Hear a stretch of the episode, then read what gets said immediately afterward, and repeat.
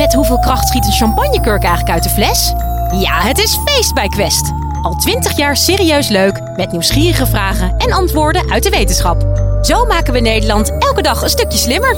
Nu in de winkel en op quest.nl. Hey, hey, even heel eerlijk hè, even tussen jou en mij. Stream jij nog wel eens iets via Popcorn Time? Of eh, heb je geen zin om Disney Plus en Amazon te betalen en rip je af en toe een serietje van een illegale site? We weten dat het niet mag en toch gebeurt het aan de lopende band. Maar ja, je belandt er niet voor in de gevangenis, toch? Of wel? Nou, hoe dat zit hoor je van Bart Schermer, hoogleraar privacy en cybercrime van Universiteit Leiden. Dit is de Universiteit van Nederland. Piraterij is een misdrijf. Piraterij is een misdrijf.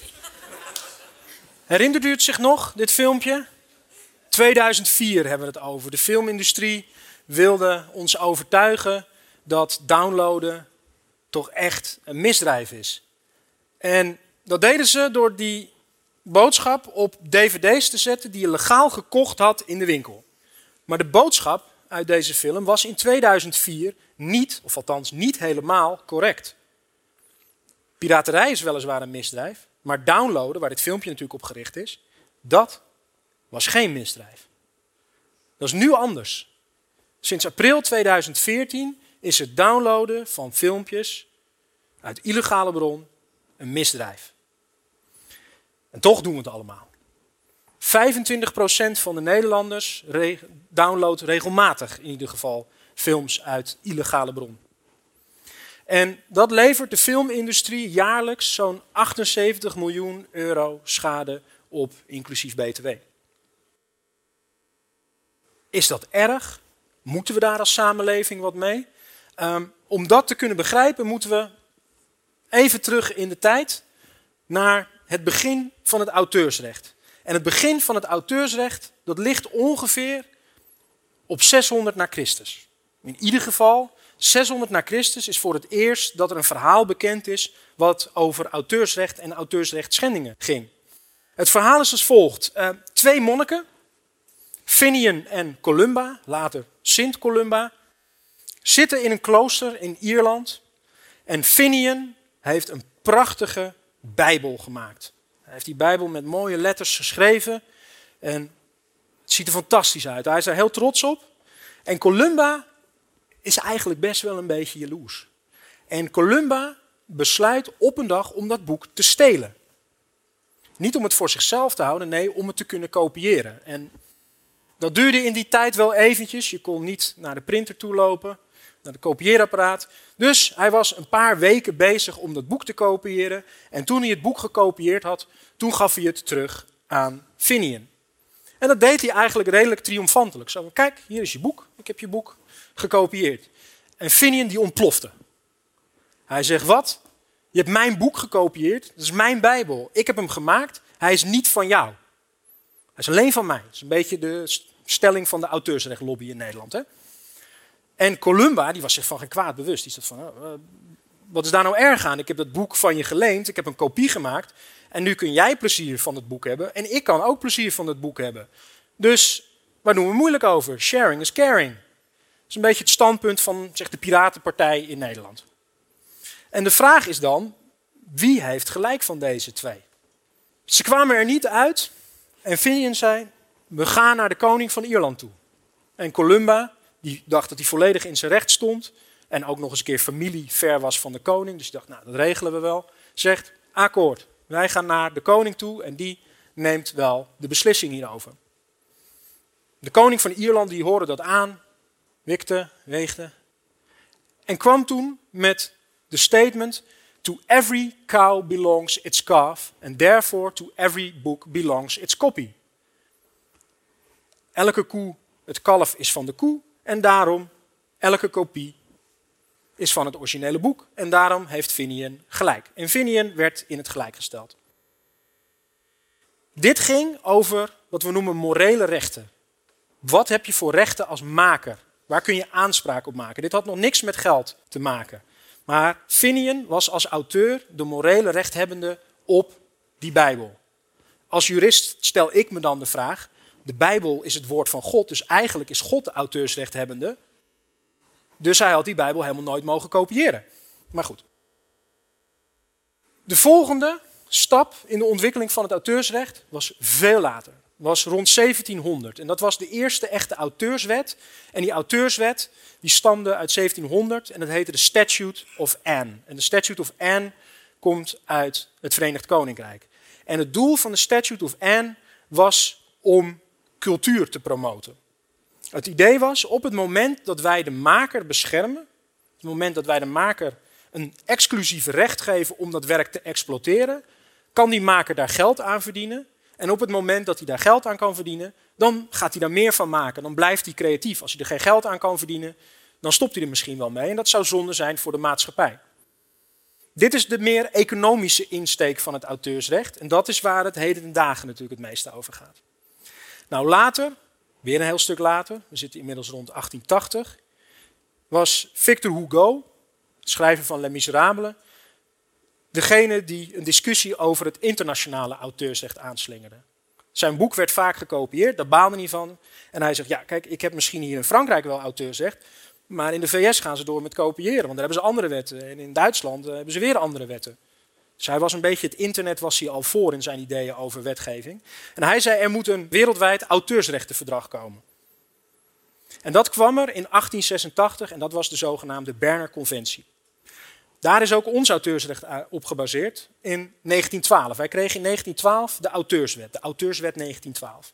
En de grootste wijziging in het auteursrecht in Nederland is dat we 1912 van de titel hebben afgeknipt. Voor de rest hebben wij nog min of meer hetzelfde auteursrecht als 100 jaar geleden. Wat is dan juridisch gezien het auteursrecht? Het auteursrecht is het exclusieve recht van de maker van een werk van letterkunde, wetenschap of kunst om dat werk openbaar te maken en te verveelvoudigen, behoudens de beperkingen bij de wet gesteld. Dus als maker mag jij als enige kopietjes maken, verveelvoudigen, en je mag het als enige openbaar maken, in het verkeer brengen, tentoonstellen enzovoorts.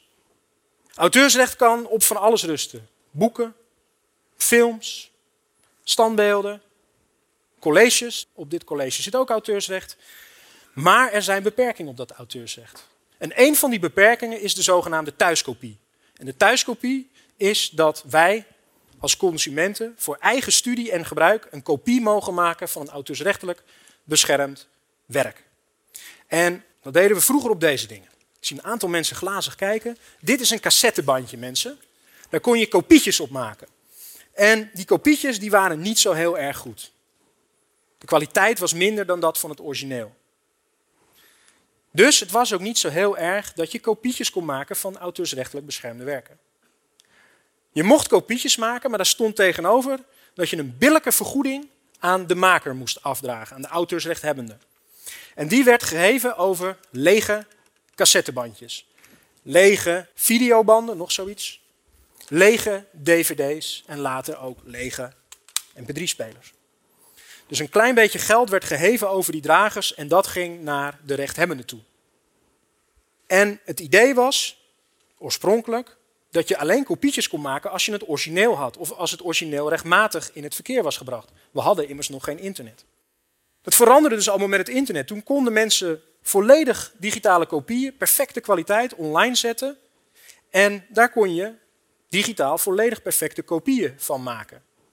En toen was de vraag van, ja, geldt die exceptie nou eigenlijk ook voor kopietjes die illegaal in het verkeer zijn gebracht?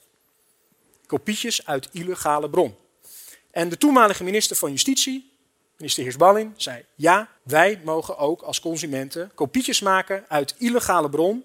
Daar gaan we geen onderscheid in maken, omdat mensen niet altijd kunnen zien of het uit illegale bron komt. Nou, kan je voorstellen bij films die nog niet in de bioscoop draaien op de Pirate Bay staan, dat je je af kan vragen of je dat niet echt weet als consument. Maar goed, in veel gevallen kon je het niet weten. Dus de minister zei ja, downloaden uit illegale bron valt onder de thuiskopie. En daarmee was downloaden uit illegale bron in één keer legaal in Nederland. Groot feest, we mochten gratis films downloaden. We mochten ze niet uploaden.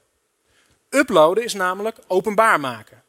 Maar downloaden, dat was allemaal prima. we hadden een beetje een soort uh, softdrugsbeleid, een soort gedoogbeleid. Je mag het niet in het verkeer brengen, maar je mag het wel afnemen. Nou, dat is in 2014 veranderd. En waarom is dat veranderd? Omdat de makers, de makers van deze dingen, van die dragers, die zeiden namelijk: wij vinden het niet eerlijk dat er belasting op onze cassettebandjes zit, op onze lege dvd's zit.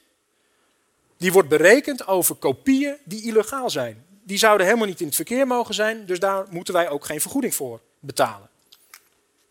Dat werd helemaal opgespeeld tot aan het Europees Hof van Justitie. En de vraag werd voorgelegd: downloaden uit illegale bron, past dat binnen die thuiskopie-exceptie? En toen zei het Europees Hof: nee. Downloaden uit illegale bron is niet een acceptabele exceptie voor het auteursrecht. Waarom niet? Die exceptie voldoet niet aan wat we noemen de Bern drie-stappentoets van die Berner Conventie. En in die Berner Conventie stond uitzonderingen op het auteursrecht zijn toegestaan, maar alleen in specifieke gevallen.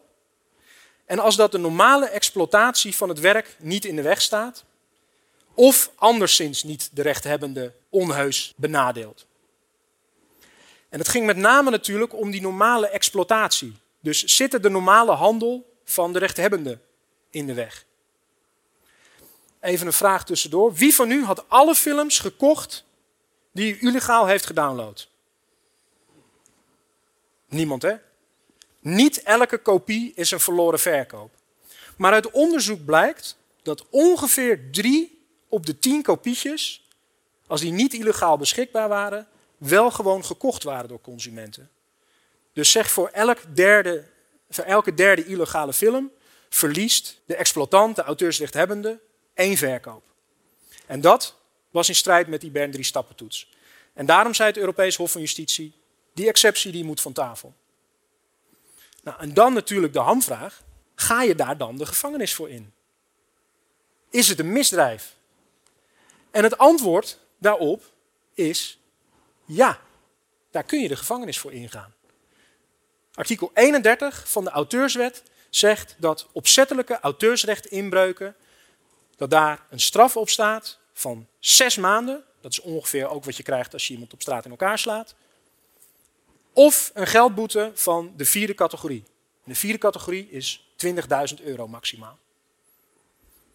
Gaat de politie ons dan allemaal oppakken voor het downloaden uit illegale bron? Waarschijnlijk niet. De politie heeft wel betere dingen te doen. Maar de rechthebbenden, die kunnen daar wellicht anders over denken. Want een opzettelijke auteursrechtinbreuk, ook al wordt die niet strafrechtelijk vervolgd, kan wel nog steeds civielrechtelijk worden vervolgd. Dus als u betrapt wordt voor het downloaden van een filmpje, bijvoorbeeld omdat ze uw IP-adres hebben achterhaald, dan kunt u misschien wel een claim aan uw broek verwachten van de makers van die film. Goed, dus de volgende keer dat u Popcorn Time aanzet of BitTorrent aanzet, houdt in uw achterhoofd dat u wellicht strafbaar bent. Dankjewel. Dit was Bart Schermer. Hey, en als jij nou geen zin hebt om in de bak te belanden voor het downloaden van een film, luister dan naar onze podcast. We hebben ruim 450 afleveringen voor je klaarstaan, helemaal gratis. Tot de volgende.